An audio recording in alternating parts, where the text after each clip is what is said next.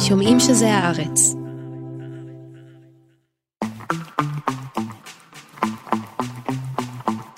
היי גילי. היי ניב. היי, שני אבירם שמקליטה, היי מאיה בניסן שעורכת. היי מאזינות ומאזינים. אנחנו על תרבות יום א' שהוא, פודקאסט התרבות של עיתון הארץ. ש... כבר בימי ראשון הוא יספר לכם על כל מה שמלהיב בתרבות השבוע. שזה, גילי, משפט מאוד מכובס לבעצם כל מה שאנחנו צרכנו תרבותית השבוע ומסגרנו אותו כמה שחשוב. מה שבררנו בחושינו המחודדים ומתוך מה שהספקנו לראות. כן. מה שניבט אלינו מול המסך ונשמע אלינו מבין האוזניות. מה שהספקנו ניב, זה הכל. אוקיי, שזה מה? אני כתבתי לי, כן. האישה מהבית שממול הבחורה בחלון זו סדרה חדשה ופרודית בנטפליקס, אנחנו נדבר ארוכות עליה. כן, עם קריסטן בל, אה, מייקל איימן ביים. מעניינת בטח ברמת הדיון. רמת ה... מה שקרה פה לספרות המתח אה, והוביל לסדרה הזאת. נדבר גם על ספר חדש של? רייצ'ל קאסק. לא, דווקא לא. אה, ספר שלישי בטרילוגיה מאוד מעניינת של רייצ'ל קאסק, אה, סופרת בריטית שיצאה בארץ. אה, האם זה על המטבח האחורי של האימהות? האמת שלא. ואנחנו נקנח בסיבוב מהיר. שבו נתקוטט לנו על סדרה שאני אהבתי ואת פחות. ונד... נכון. ונדבר על הספיישל uh, הטלוויזיוני לחגים, משהו שפעם היו עושים מלא, של LCD Sound System שיצא, וככל שיותיר לנו הזמן, ממש כך. אז בואי נתחיל. יאללה.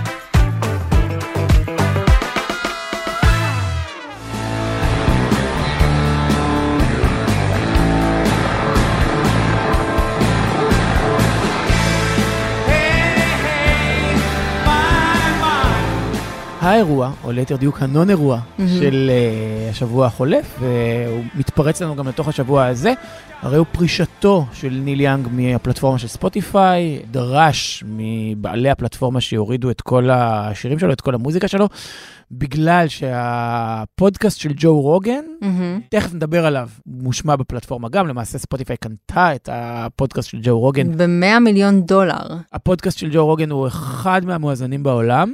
כן, אם, אה, אם אני לא טועה, 11 מיליון מאזינים לכל פרק, זה המון. אינך טועה, וספוטיפיי עשו באמת עסקה מצוינת כשהם קנו אותו בסכום שהוא כמעט פרוטות בהקשר הזה, בכמה שזה מניב להם. הוא בלעדי אצלם. מהמם. בפלטפורמה זה אומר שלמרות שהם לא הגו אותו והם לא היוצרים של התוכן הזה, הם הפלטפורמה שעליו הוא משודר, והוא כן. פודקאסט פופולרי מאוד מאוד, אבל הסיבה והוא מתנגד חיסונים. כן, הסיבה להתנגדות של אה, ניל יאנג היא בגלל שג'ו רוגן הוא באמת... אה, עכשיו את יודעת, כמו כל מתנגדי החיסונים, הוא לא מתנגד חיסונים, הוא רק רוצה להשמיע עוד דעות. כן. ולאפשר לעוד קולות אה, להישמע ולהיכנס לשיח, גם אם הקולות האלה הם שקרים גמורים, כן. למה לא? צריך לשמוע עוד קולות. ואנטי מדעיים, וניל יאנג אמר זה או אני או הוא, מהמם. וספוטיפיי אמרו אוקיי, הוא, כן. וניל יאנג הסיר את uh, שיריו מהפלטפורמה, לדעתי עדיין אפשר לשמוע אותם, אבל בימים הקרובים זה יסתדר. עכשיו, חשוב להגיד, ניל יאנג בשישה בינואר, בתאריך הזה, זאת אומרת, בדיוק כש... Uh, ההוא עם הקרניים והחברים שלו הסתערו על גבעת הקפיטול, ניל יאנג מכר לקרן כזאת בריטית, קרן הון סיכון, 50% מהקטלוג שלו. Hmm. כן, זאת אומרת, הוא כבר ראה את הכסף על השירים האלה, ומבחינתו ההצהרה הזאת היא פחות איזה סיכון כלכלי, כן? אבל עדיין יש בה, אני חושב, מן האומץ, משום שאף אחד לא יעזוב את ספוטיפיי בגלל ההצהרה הזו של ניל יאנג. אף אחד לא יעזוב את ספוטיפיי בגלל שכבר אי אפשר לשמוע שם את השירים של ניל יאנג. נכון, אבל אומן אתמול אחד. הוא גם אה, פרסם איזשהו מכתב נוסף למאזיניו, מעריציו, שכדאי לעזוב ממילא את ספוטיפיי, כי האיכות שבה הם משדרים את המוזיקה של כל האומנים שמופיעים אצלם על הפלטפורמה היא איכות אה, לא טובה. כן, זה דיון כבר uh, שמתרחש גם הרבה שנים, ואת יודעת, יש גם את הסיפור של ספוטיפיי עם טיילור סוויפט שלא רצתה להיות בפלטפורמה, ואדל שלא רצתה להיות בפלטפורמה הזו, משום שהיא פלטפורמה עם uh, מוסר תשלומים uh, רעוע וקלוקל לדעת ולטענת uh, אומנים מסוימים. אני חושב שהסיפור הוא פה, הוא ג'ו רוגן, כי הרבה מהקהל הישראלי שהוא... בהחלט מכיר את ניל יאנג, שגם הופיע פה פעמיים אה, בשנת 95, פעם אחת בבריכת הסולטן ופעם אחת בקיסריה, הידעת פעם זאת. אחת הוא ביטל את הופעתו אחרי שכבר רכשתי כרטיס, היה נורא. גם אני, ההופעה הייתה אמורה להיות בקיץ 2014, ואז, את יודעת, לבני גנץ ובנימין נתניהו היו תוכניות אחרות נכון. אבל ג'ו רוגן, כן, אז ג'ו רוגן הוא קומיקאי דה לשמטה, כן? הוא התחיל בתור המנחה של פיר פקטור, ב- זאת אומרת, הוא היה קומיקאי, ואז הוא הגיע להיות המנחה של פיר פקטור בארצות הברית. התוכנית ההיא, אם את זוכרת, שמתחרים אכלו ג'וקים כדי לשרוד עד לשלב הבא, כן. וישנו עם סמורים, וכל מיני משימות כאלה. ישנו עם סמורים. לא יודע, ניסיתי לחשוב על משהו אה, אקזוטי. לישון עם סמורים, לא ראית הסרט הזה? עדיין, אבל אני חייבת להשלים את הפער הזה בידע הכללי שלי. נו, לישון עם... את היית מסכימה לישון עם סמורים ככה, בהתנדבות? אני אולי גם לא עם סמוראים, אבל אה, כן, לא, לא, התשובה היא לא. התשובה היא לא. ולכן זו משימה בפיר פקטור. אז ג'ו רוגן. אז ג'ו רוגן, כן, הוא איכשהו, מזה שהוא כאילו מאתגר את המדע ומאתגר את הפוליטיקלי קורקט, ומאוד בעד אה, התנסויות פסיכדליות, מהמם. ונהיה מעין שופר כזה של התנועה הפסיכדלית החדשה. כל אה, מתנשאי האיוואסקה, הפטריות. אה, אם הייתי עושה איואסקה, אולי הייתי ישנה עם סמורים. או, או, אולי זה היה מצדיק. עכשיו את מדברת. זו חוויה כבר, לדעתי יש, גם עלית פה על אה, מיזם, בטוח. קחו איוואסקה, זה איפשהו, גווינית פאלטרו כבר עושה את זה איפשהו, כן? כן, ב resortים של Goop. כן. בכל מקרה, גילי, תפסיקי להפריע לי. אז ג'ו רוגן. אני מנסה להסגביר פה, אוקיי. ואת ממש קוטעת את ההסגברה שלי. אני מתנצלת על זה. אז ככה, את יודעת, הוא גם מאתגר פוליטיקלי קורקט וגם פסיכדליה וגם מאתגר מדע, והנישה הזו התיישבה מצוין בתרבות של עכשיו. כאילו, נהיה לו הרבה קהל כזה של גברים שמרגישים שהקול שלהם אה, כבר לא נשמע, ומחקו את הגבר הלבן, ומה עם הגבר הלבן, ומה יהיה, ולאן הולך הגבר הלבן, ומה עתידו בתרבות הנוכחית. אז ג'ו רוגן הוא הסלע קיומם. סבבה? סבבה. וניל יאנג יוצא נגד זה. עכשיו, זה שניל יאנג יוצא נגד אה, אה, מתנגדי החיסונים, זה, איך אני אגיד את זה בצורה הכי ארכאית שאני יכול? בוקר טוב אליהו? Mm, זה ממש אה, תואם את גילו של ניל יאנג. כן. אז נכון שניל יאנג... ניליהו. כן. אם את זוכרת, ניל יאנג כבר התנגד לזה ב-80's. הוא התנגד לזה שהומואים יארזו את המוצרים שלו בסופר, משום שהם עלולים להדביק אותו באיידס. וואו. כן. את רוצה לשמוע את הציטוט המלא? לא, לא חושבת. זה לא רוצה לשמוע- יהרוס לי את הכל. את לא רוצה לשמוע את הציטוט המלא, האמיני לי. אבל לא מעורבת שם ה-F-word ואני לא מתכוון לפאק. זה דבר אחד. ודבר שני, הוא גם התנגד מאוד גדול לביוטכנולוגיה, וגם להנדסה גנטית, הוא היה לפחות במשך שנים. ויש איזה סנטור ששכחתי איך קוראים לו, ממסצ'וסט, זה שהתחרה מול אליזבת וורן, מהמם. על המושב בסנאט. והוא וניל יאנג עשו יד אחת כנגד אה, ביוטכנולוגיה, ועשו קונצרטים למען זה ולמען עתיד ילדינו, ובואו לא נכניס את המדע לתוך הטבע. זה נשמע כאילו בגדול היה מועמד להיות אה, אורח הכבוד של ג'ו רוגן בפודקאסט שלו. סליחה, זה ה origin story של מתנגדי החיסונים, אשכרה, הסיפור הזה. כן, זה, זה משם התחיל, ו- וניל יאנג והוא, את יודעת, עכשיו, לא תגידי, זה היה מזמן, כמו הסיפור ההוא עם, ה- עם ההומופוביה שלו, שמאז הוא, ח- הוא חזר בתשובה לגבי הסיפור הזה. זה היה ב-2015. שהוא עשה את הקונצרט שלו ו- ותקע כף עם הבחורצ'יק ההוא, שהוא היום הקול הכי בולט, לצד ג'ו רוגן, להתנגדות חיסונים. אתה מבין אבל מה קרה כאן? בחסות המגפה, אותו ניל יאנג, שהוא בינתיים נהיה קשיש, וכנראה חוסן ברביעית לאחרונה, בוסטר. בבוסטר, הוא מבין שעכשיו כאילו, עם כל הכבוד לדעות שלו לפני, הוא צריך לשמור על עצמו. עכשיו, ניל יאנג הוא גם אדם ערכי, כן? כשהוא מגיע ל... כשהוא היה נגד GMO וביוטק, אז הוא היה, זה, זה בא מתוך זה שהוא, שהוא אדם ערכי וזה חשוב לו, והוא גם אה, יצא נגד אה, ג'ורג' בוש ומלחמת המפרץ השנייה, ג'ורג' בוש הבן, יש לו את העניין הזה, והוא אולי, זה חלק מההיפיות שלו שנותרה בו עוד? זאת אומרת, אה, נגיד גם ב-2019, הוא כמעט ולא עלה לקונצרט משותף שלו עם בוב דילן בהייד פארק, משום שאחת מנותנות החסות לקונצרט הזה הייתה חברת ברקליס, בנק ברקליס, שהיא גם תורמת ל biofuel ולזיהום הפלנטה. זאת אומרת, זה ממקום כזה מאוד ערכי וכאילו היפי, אבל לפעמים זה בורח לו למקומות שהם קצת התנגדות למדע, אני יודע, זה כאילו זה עושה לי היגיון אצל ניל יאנג, כן? כי זה התופעות הלוואי של ההיפיות, אז מצד אחד יש המון המון דברים, חופש ביטוי, וצריך ל, אה, לתת לטבע להיות טבע, ואסור לנו להשתתף בקונצרטים שמממנות חברות שהן אה, אה, תורמות לזיהום כדור הארץ. ואז מצד שני, פתאום זה גם מגיע להתנגדות חיסונים, ואז פתאום זה תופס אותו בסיבוב. והוא מבין, אה, רגע, רגע, רגע, יכול להיות שהאי-פיות הזאת פה רודפת אחריי עכשיו, וזה עשה היגיון, עד שזה ירד מהפסים. Hmm. יש אנשים שהסיפור האישי שלהם כל כך מעניין ומעורר השראה, עד שאסור לתת לו להישכח בערפילי הזמן. אנחנו, ברשת עושים היסטוריה, נעזר בניסיון העשיר שלנו כחברת הפודקאסטים המובילה בישראל, כדי להפוך את הסיפור האישי של סבא, סבתא, אבא או אימא שלכם לפודקאסט כל כך מרתק ועשיר, עד שגם הנינים ובני הנינים שלכם יאזינו לו בשקיקה בעוד עשרות שנים. בקרו באתר הבית של סיפור משפחתי בכתובת familysounds.co.il והזמינו אותנו ליצור את הסיפור שלכם. סיפור משפחתי, מתנה שנשמרת לדורות. Uh, hi, I'm Anna. The truth is that I drink a lot, and sometimes I mix it with pills. And I'm here because I woke up this morning convinced I'd witnessed a murder. Someone has been murdered. מאזיננו, אולי... אה, שמו- ומאזינותינו. ומאזינותינו, כמובן. אולי שמו לב שבשבוע שעבר, אה, באופן מפתיע, מבלי שהכרזנו על זה מראש, שודר אה, פרק ישן שלנו בשידור חוזר. כן, או כמו שאמר לי חבר, וואי, סחטיין, ראיינת את זרחוביץ', סוף סוף. אז אמרתי, זה היה לפני שלוש שנים. אה.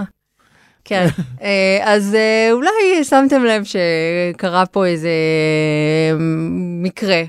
והסיבה לכך היא שבנסיבות אה, מאוד מאוד מוזרות שלא הייתי רוצה לפרט יותר מדי, מצאתי את עצמי מאושפזת באיכילוב, באמת נסיבות מוזרות ביותר.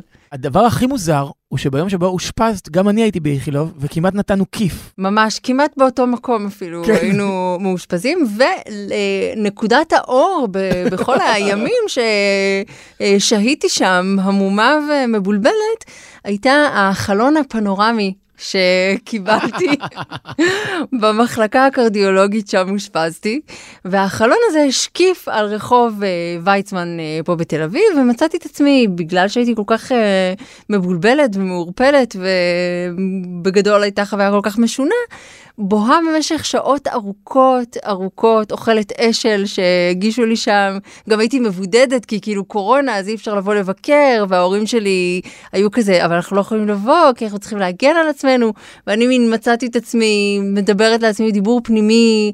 קיטי היקרה, איני יודעת כמה זמן עוד אהיה כאן. בכל מקרה, מסתכלת שעות ארוכות את מפספסת את זה שמישהו שלח לך המון המון דברים לראות. מישהו שלח לי המון המון דברים לראות, ורשת האינטרנט אה, של איכילוב סירבה לאפשר לי לראות אותם. אבל באמת, כל השעמום שהיה לי פרקתי על החלון הזה, והיו כל מיני חוויות יפות אה, להסתכל ולראות קו 18 בתדירות מאוד יפה, המסלול של 89 השתנה ועכשיו הוא עובר שם. איזה יופי. זה היה פשוט באמת שישה ימים מקסימים שיצא לי ככה באמת לשקוע יפה מאוד בהוואי הרחוב. ולמה אני מספרת לך את כל הסיפור היפה הזה? למה, גילי?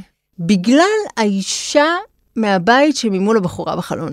אוקיי, שזה... שזה, מה זה השם הזה? רואים שזה שם פרודיה, אני זה חושב. שם פרודי, כאילו, כן. כבר מהרגע הראשון מבינים שזה פרודיה על האישה בחלון, אני חושב. על אלף הסרטים שמקורם בעצם ב... חלון אחורי. בחלון אחורי ובשורה של uh, ספרים שיצאו בעשור החולף, שהם ספרי מתח על נשים טרודות ומוטרדות בכל מיני סיטואציות, בעיקר ביתיות, שהן כולן מת, מתאפיינות באותם uh, מאפיינים. הן uh, גיבורות שאי אפשר לסמוך עליהן, לא אמינות, הן uh, חובבות אלכוהול, הן מסיבה מסוימת לכודות בבית, יש להן איזה משהו, או שיש להן איזה זווית ראייה לפשע אולי, סימן שאלה, סימן קריאה, uh, שקרה או לא קרה. זה בדיוק מה שקורה בחלון אחורי, כן? כן, אני ברור. יודע שהוא סרט מה-50's, אני לא יודע למה לקח כל כך הרבה שנים עד שהז'אנר הזה יגאה, כמו שקרה בעשור החולף, אבל זה בהחלט מה שהיה. כי מה שקרה זה בעצם נהייתה מין תנועה ספרותית כזו של אה, סופרות בעיקר. הראשונה דווקא פולה הוקינס מה... עם הבחורה על הרכבת, אתה זוכר את זה? ברור. שהפך גם לסרט, והמטופלת השקטה של אלכס מיכאלידיס, ו-AJ פין, שהוא כן. בעצם דניאל מלורי, שכתב ש- את האישה בחלון. כי הוא רצה שיחשבו שהוא אישה. נכון, וגיליאן פלין, שהיא המחברת של אה, נעלמת וחפצים חדים. קיצר, נהיה מין איזה תנועה כזאת, במקרה של דניאל מלורי, שבאמת הוא כתב את אחד מרבי המכר הכי הכי גדולים של השנים האחרונות, זה התחיל מזה שהוא עצמו סבל משורה של בעיות נפשיות שלא אובחנו כהלכה, והוא היה תקוע חודשים ושנים בבית, אה, ומכור לסרטים של היצ'קוק, במיוחד חלון אחורי, וכשהוא יצא מהמצב הזה, הוא כתב את אה, האישה בחלון. לא משנה שאחר כך התברר שהוא עצמו סוחב uh, קופת שרצים, לכו תעשו גוגל על השם שלו, הוא באמת uh, רמאי מפואר. הכל התרכז לתוך התסריט של, אני שוב צריכה לקרוא כי אני לא זוכרת, כי זה שם כל כך מרגיז, האישה מהבית שממול הבחורה בחלון, שיש שם באמת אזכור לכל אחד מהספרים שהזכרנו כאן מקודם, לרבות uh, המטופלת השקטה והעניין הזה עם האומנות והציור. אז אולי נספר על מה הסדרה. יאללה. יש לנו גיבורה, mm-hmm. שאותה משחקת uh, קריסטן בל. Mm-hmm, וקוראים לה אנה, כמו כל הגיבורות של כל הסרטים האלה, עכשיו, הספרים גם, האלה. נכון, אבל מעבר לזה, זה גם מרפרר לזה שקריסטן בל משחקת בפרוזן, עם אל, אלזה ואנה. אה, עד שם לא הגעתי. והיא גם משחקת בבלשית. ואיך אנחנו מכירים את קריסטן בל בתור ורוניקה מרס. ורוניקה מרס, שהיא. משחקת בלהיות בלשית. נכון. אז זה גם מרפרר לקריירה שלה. אוקיי, והאנה הזו, היא סובלת מטראומה, כרגיל. כן. ואנחנו פה צוחקים על זה הרבה בהקשר של סדרות בריטיות, נכון? מהמם. של מישהו שחוקר אה, פשע, ובעצם כשהוא חוקר את הפשע הוא מנסה לפתור את הטראומה שלו מהמם. אה, ולגאול את עצמו, וזה גם מה שקורה פה, רק שפה לא צריכים שאנחנו נדגיש את האלמנט הפרודי הלא מודע, כי פה האלמנט הפרודי הוא מאוד מודע. לחלוטין, לרבות סצנות של ממש ציטוט אחד לאחד מתוך אה, האישה בחלון. ולא רק האישה בחלון, נגיד, זה שהיא מופיעה בפרק הראשון, אנחנו לא מספיילרים פה כלום, היא מופיעה בפרק הראשון עם חלוק רחצה, היא מגיעה לבית הספר, איפה שלמדה בתה, שבתה מתה, שוב. זו הטראומה שממנה מת- מתחילה הסדרה, זה לא ספוילר, והמוות הזה גם גרם לה ולבעלה להיפרד, שוב, תמיד קורה, כן. רק שלאט לאט כל האלמנטים הכאילו קלישאתיים האלה, כל אחד מקבל טוויסט פרודי קטן, קטן, קטן, שלפרקים אתה תוהה האם זו כתיבה גרועה או פרודיה, או שמישהו בחר בכתיבה גרועה במקום פרודיה. נגיד באישה בחלון, היא סובלת מאגורפוביה, מהמם. פחד ממקומות פתוחים, ופה יש לה חרדת גשם. שאני אפילו לא יודע אם זה אמיתי, אם יש ב-DSM. אני בטוחה שאין ב-DSM כן. חרדת גשם. וכל פעם כשיורד גשם, היא נכנסת למצב פוסט-טראומטי. ו... יש לה ניתוקים. כן. והיא היא פתאום מוצאת את עצמה שרועה כזה ברחוב ומטפטף עליה גשם. וגם יש את האלמנט הזה, הלייט מוטיב של הצ'יקן קסטרו, את עוד תגיעי לזה. קיצור, את יודעת, התחלתי לראות את הסדרה וארבע שעות אחר כך היא פשוט נגמרה. תראה, אנחנו חונכנו כל כך טוב על ידי נטפליקס, שמראש אנחנו קצת מורידים את הסטנדרטים שלנו, שאנחנו אומרים, וואו, סדרה ממש טובה יחסית לנטפליקס, או שאנחנו מקבלים, אה, מין מחכים כבר לסמן וי על כל הסיווגים האלה שכבר למדנו לאהוב, ואז למאוס בהם, ואז לזלזל בהם, ואז לאהוב אותם שוב, או לחכות להם, למנות אותם. הכל קורה שם, ואתה ממש צודק, זה כאילו הבחנה מעולה, כי היא... יכול להיות שזה פשוט סתם סדרה גרועה. לא, היא לא, זה פרודיה. כאילו, כי פעם, לפחות פעמיים בפרק, נגיד במונולוג הפותח של הסדרה, כאילו ה-voice over, שבו אה, נותנת בעצמה הדמות של אנה סימנים לכל מיני דברים שקורים לה מאז הטראומה, אחד מהם זה זה שהיא מדברת פתאום במבטא בריטי, כן. ואז היא מפסיקה לדבר במבטא בריטי. עכשיו, הרגעים האלה של המודעות העצמית, הם מופיעים, הם פשוט כל כך ניואנסים, שלפרקים הם, הם כמעט בלתי נראים, ואז זה נדמה ככתיבה גרועה. אבל זה לא. אחת הסיבות שזה לא כתיבה גרועה, ושזה לא בימוי גרוע, ושזה לא סדרה גרועה, אלא משהו מאוד מאוד מכוון, זה הבמאי של הסדרה מייקל ליימן, מהמם. שהוא ביים את הסרט Heathers, זוכרת? עם קריסטיאן סלייטר וברנדה ווינונה ריידר שמפוצצים בסוף את הבית ספר. Oh my god, כן. נו, ברור, זה אחד הסרטים הכי גדולים של ה eighties, והוא ביים את Hudson Hawk, אם את זוכרת, מהמם. שגם היה סרט די כושל ברמה המסחרית, אבל אחד הסרטים הכי מצחיקים, ברוס וויליס, שהוא כזה ארכי שודד, מהמם. שצריך לשדוד את הוותיקן, הוא במאי קומי ממש ממש טוב, שכאילו ביים המון פרקים ב-Rested Development ובמופע של ארי סנדרס. אילו היה אמור להיות במאי יותר גדול ואיכשהו, אני לא רוצה להגיד הידרדר לטלוויזיה, אבל נקלע, ל- נקלע לסיטואציה שבה הוא במאי טלוויזיה ולא במאי קולנוע. ואני שמח תמיד לראות את השם שלו, כי הוא, יש לו אינסטינקטים קומיים נורא טובים. והם גם נוכחים פה. בשורה התחתונה, כאילו אני רק התחלתי. ואתה גמעת את הסדרה הזו ביום? בדיוק. אז כאילו, אני יכול להתלונן שאני לא יודע אם זו פרודיה או סתם גרוע, למרות שמדי פעם, שוב, כשזה ברור שזה פרודיה, כן, זה מצחיק. זה לא שאני צריך את הצחוקים המוקלטים כדי להבהיר לי שיש פה בדיחה. מהמם. או שלא קראתי את הספר, או שלא הבנתי את הרפרנס, זה נעשה בכזו עדינות שלא הייתי בטוח. אבל כשהפרודיה ברורה, למשל כשמתברר לנו איך מתה הבת של אנה, זה נורא מצחיק. שירה העירה, ובצדק, שלפרקים זה נדמה שהיא פשוט אישה בטראומה, ונורא קשה להבין שצוחקים על אישה בטראומה, כי מה, אנחנו צוחקים עכשיו על אישה בטראומה?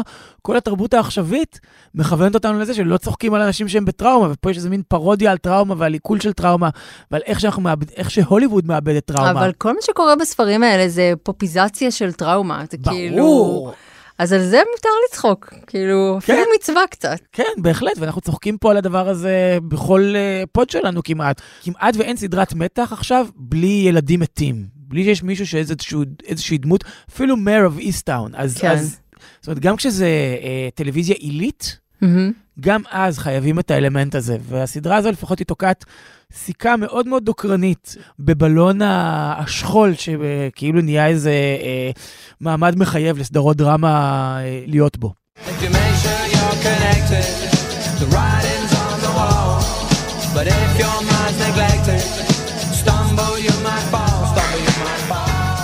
ניב, נכון, כשאתה קורא ספר, אתה אומר, אח, אח, אח, מהלך העלילה. אח, הדמויות, הדמות הזו והזו, כמה אהבתי אותה.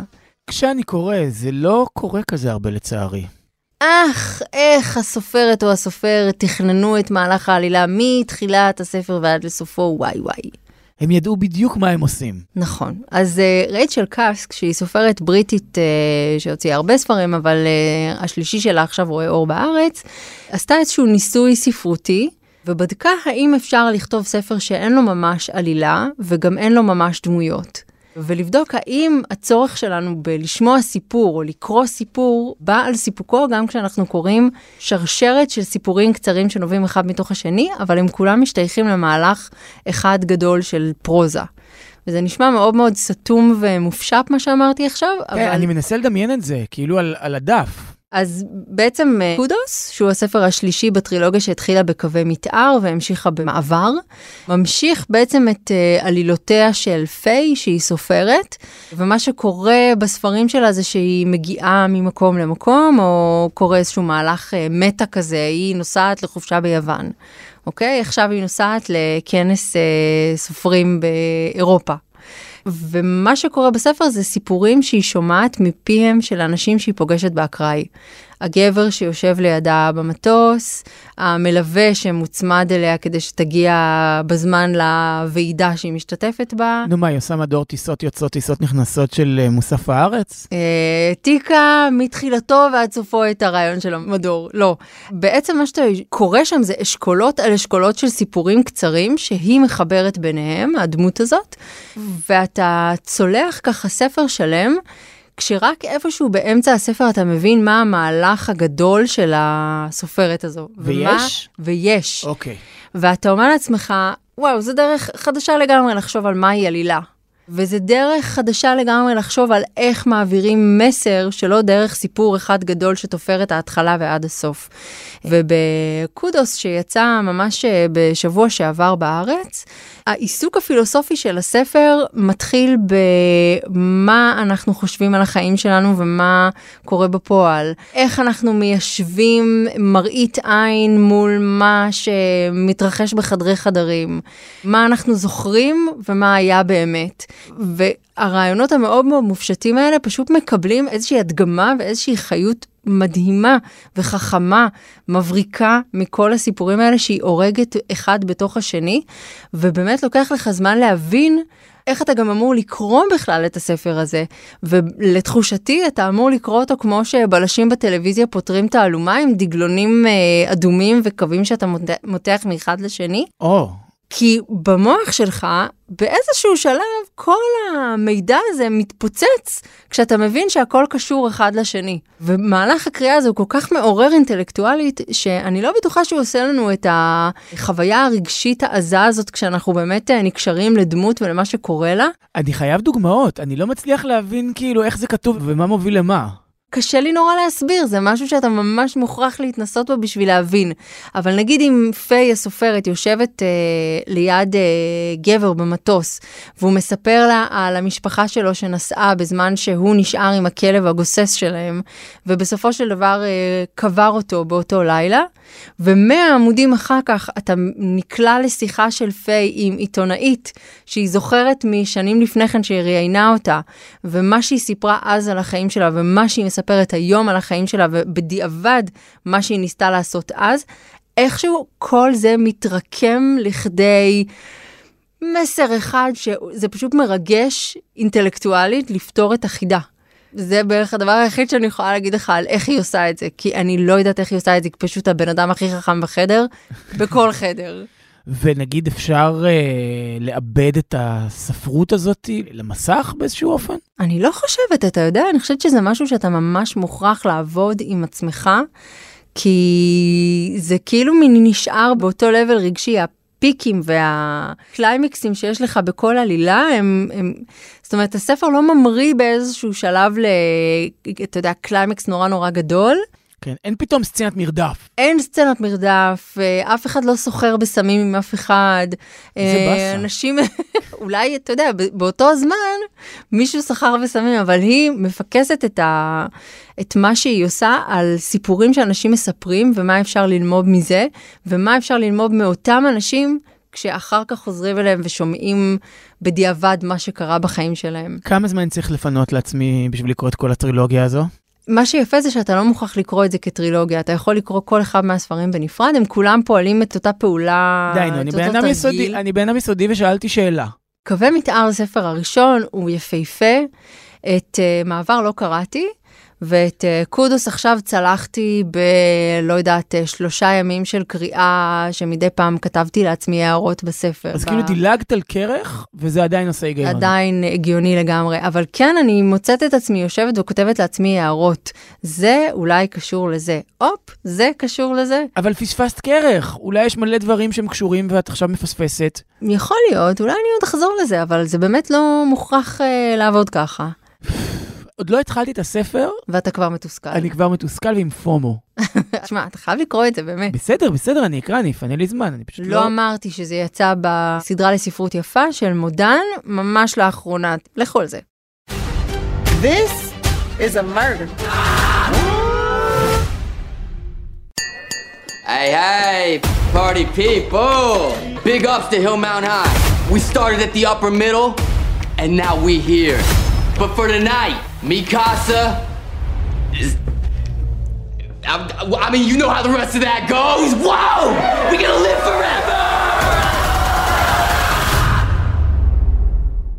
גילי בן שתרצי ובן שלו, מהמם. זה הולכת להיות השנה של אפל פלוס. כן? כן. עוד שבועיים ככה תעלה שם הסדרה של בן סטילר, שהיא מאוד מאוד מאוד איך אני מצופה. אוהבת את בן סטילר. שהוא כותב ומביים, כן? מהמם. וזה נראה מעולה. אני אשלח לך תכף את הטריילר, ממש, אוקיי. עם אדם סקוט, וזה נראה טירוף. ובכלל, זה הדיבור, כאילו, אנשים שראו מה התוכניות של כל הסטרימרים, כל אה, שירותי הסטרימינג לשנה הקרובה, כולם שמים את הז'יטונים שלהם על אפל.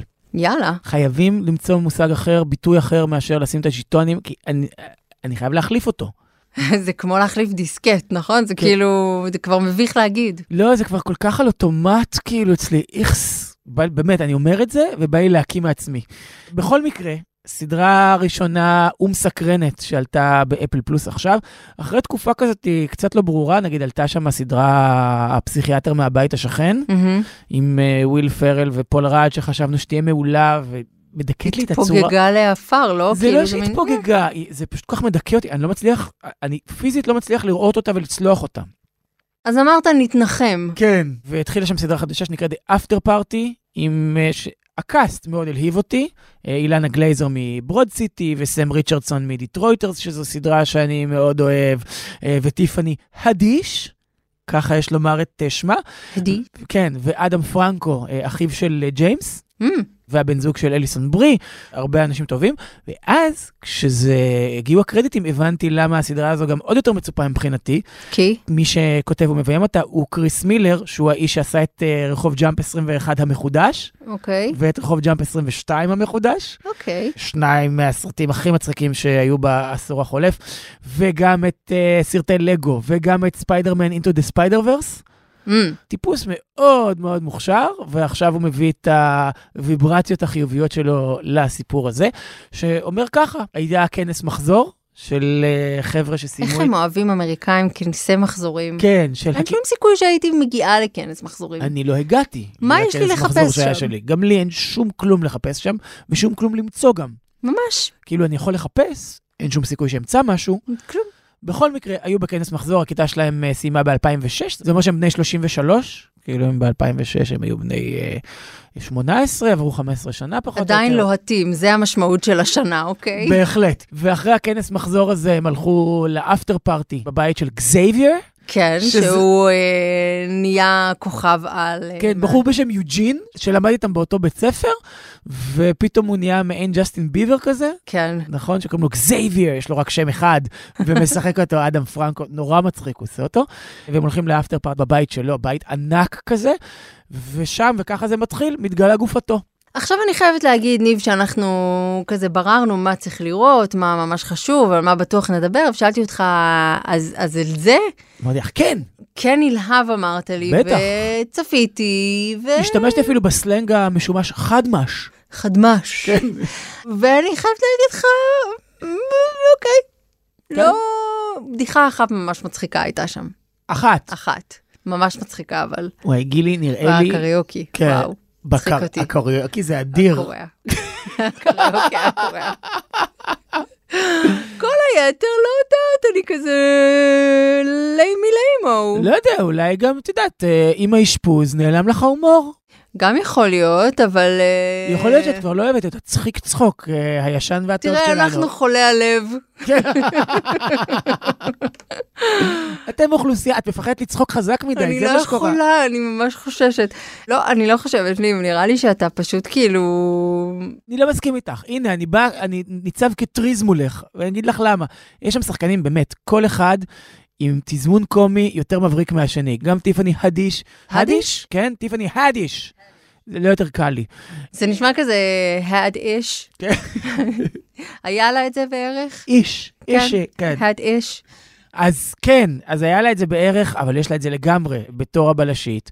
וסם ריצ'רדסון, אני מת עליו, הוא כל כך מצחיק, זוכר את הסרט הזה, Werewolves Within, זאבים בפנים שראינו לא מזמן? דיברנו עליו גם פה, כנראה עם הלב, גם זה, גם, גם הזיכרון הולך ונעלם. הכל הולך, יש לי בעיות של הגיל השלישי עכשיו. כן. אולי אה, בגלל זה גם הצחיק אותך כל כך אה, תוכניתו של דורי בן זאב. אתה רואה מה זה? זה. היה סימפטום. הכל מתחבר, הכל מתבהר. זה נורא מצחיק, יש שם שחקנים עם אינטואיציות קומיות מעולות, ותזמון מעולה, ובדיחות מצוינות. והקריס מילר הזה הוא, הוא באמת ספציאליסט קומי, שיודע לחלוב את הצחוקים מכל סצנה, ואני לא יודע מה את רוצה, אני חושב שאת צריכה להמשיך ולראות את זה, לראות עוד שני פרקים לפחות. ואז לחזור, אנחנו נחזור לפה, ואולי זה יהיה בגזרת אה, הייתי צריך לדעת, מהמם. או שזה... תחושה? כן, או שזה תהיה, את יודעת, אה, אני גם אומרת... אה, פינת ניבקלה צדקת. אה, אני גם אומרת למאזינות ולמאזינים שלנו, אתם תשימו את הז'יטונים על מי שאתם סומכים עליו יותר. את אומרת שזה תרצו תראו. על ניב או עליי. וואו, את שמה את המאזינות והמאזינים במעמד משפט שלמה? אה, ממש אה, מי אתם אוהבים יותר, את אימא או את אבא. כן. וזה מוביל אותנו לאימא ואבא של האייטם הבא, כן. של... אה, שהם אנדרואידים. שהם אנדרואידים. איזה הובלה זו הייתה, באמת. ראית מה זה הכל היה מתוכנן, זה הכל בקומפיוטר. שקר. איזה קומפיוטר. אנחנו פה מקליטים את הפוסט עם דפיברילטור. computer עלק. בקיצור, באיחור של מה? שנה וחצי בערך? זה too soon שאני עושה לך בדיחות מוניטור? אה, אני אבוא איתך חשבון אחר כך, אבל באיחור של בערך שנה וחצי, אה, גודלו בידי, גדלו בין זאבים, כן. raised by wolves. ישר אני חושב על קווין קוסטנר. ולרקוד עם זאבים. איזה סרט נוראי. איזה סרט איטי, יואו, זה לא זז שם. עזבי לא זז, מה העניין, גבר? מה קורה? מה יש לך? למה אתה רוצה לרקוד איתם? לך הביתה, כן. תכין תה, משהו. שב בבית, מה אתה עכשיו רוקד? בקיצור, דלו בן זאבים, ככה תרגמו את זה? כן, לגדול ב- בין זאבים. לגדול בין זאבים.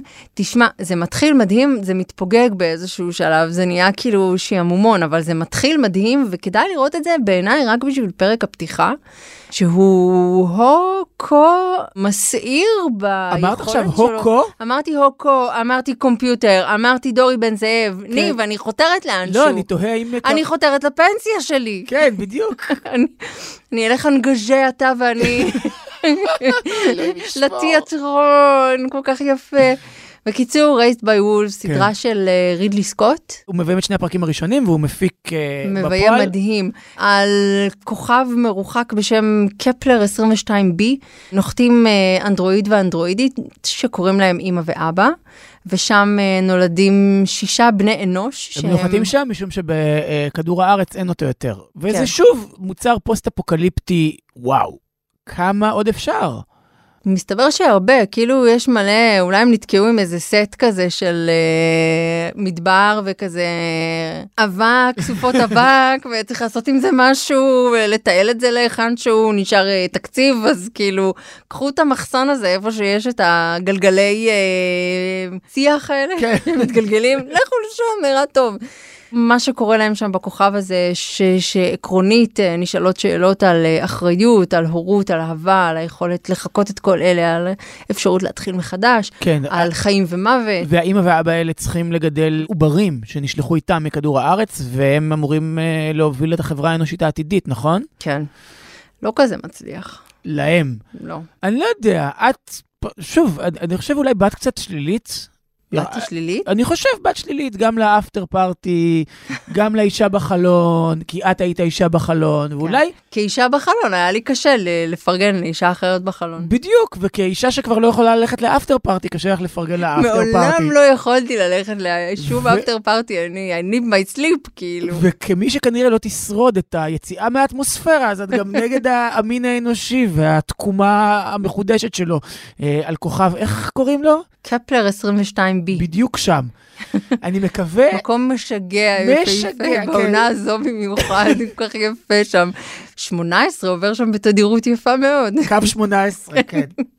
אחרי שהוא עובר בוויצמן. אחרי שלו, הוא עובר בקפלר 22B. טוב, את ההמלצה האחרונה שלי, גילי, את לא תצליחי לקרקע, לא משנה מה תעשי.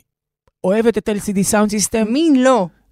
יש אנשים שאומרים, אה, כן, הם בסדר, או יאללה, יאללה. כמו שאמרה לי מישהי, הייתה מישהי, אני לא אגיד, אני לא אנקוב בשמה, אבל לדעתי היא גם מאזינה לפודקאסט, הייתה מבקרת מוזיקה בגלריה שישי, ואמרתי לה, יואו, הקשבת לאלבום החדש של LCD Soundsystem כשיצא American Dream, ואז היא אמרה לי, אבא שלי אוהב את זה. ו-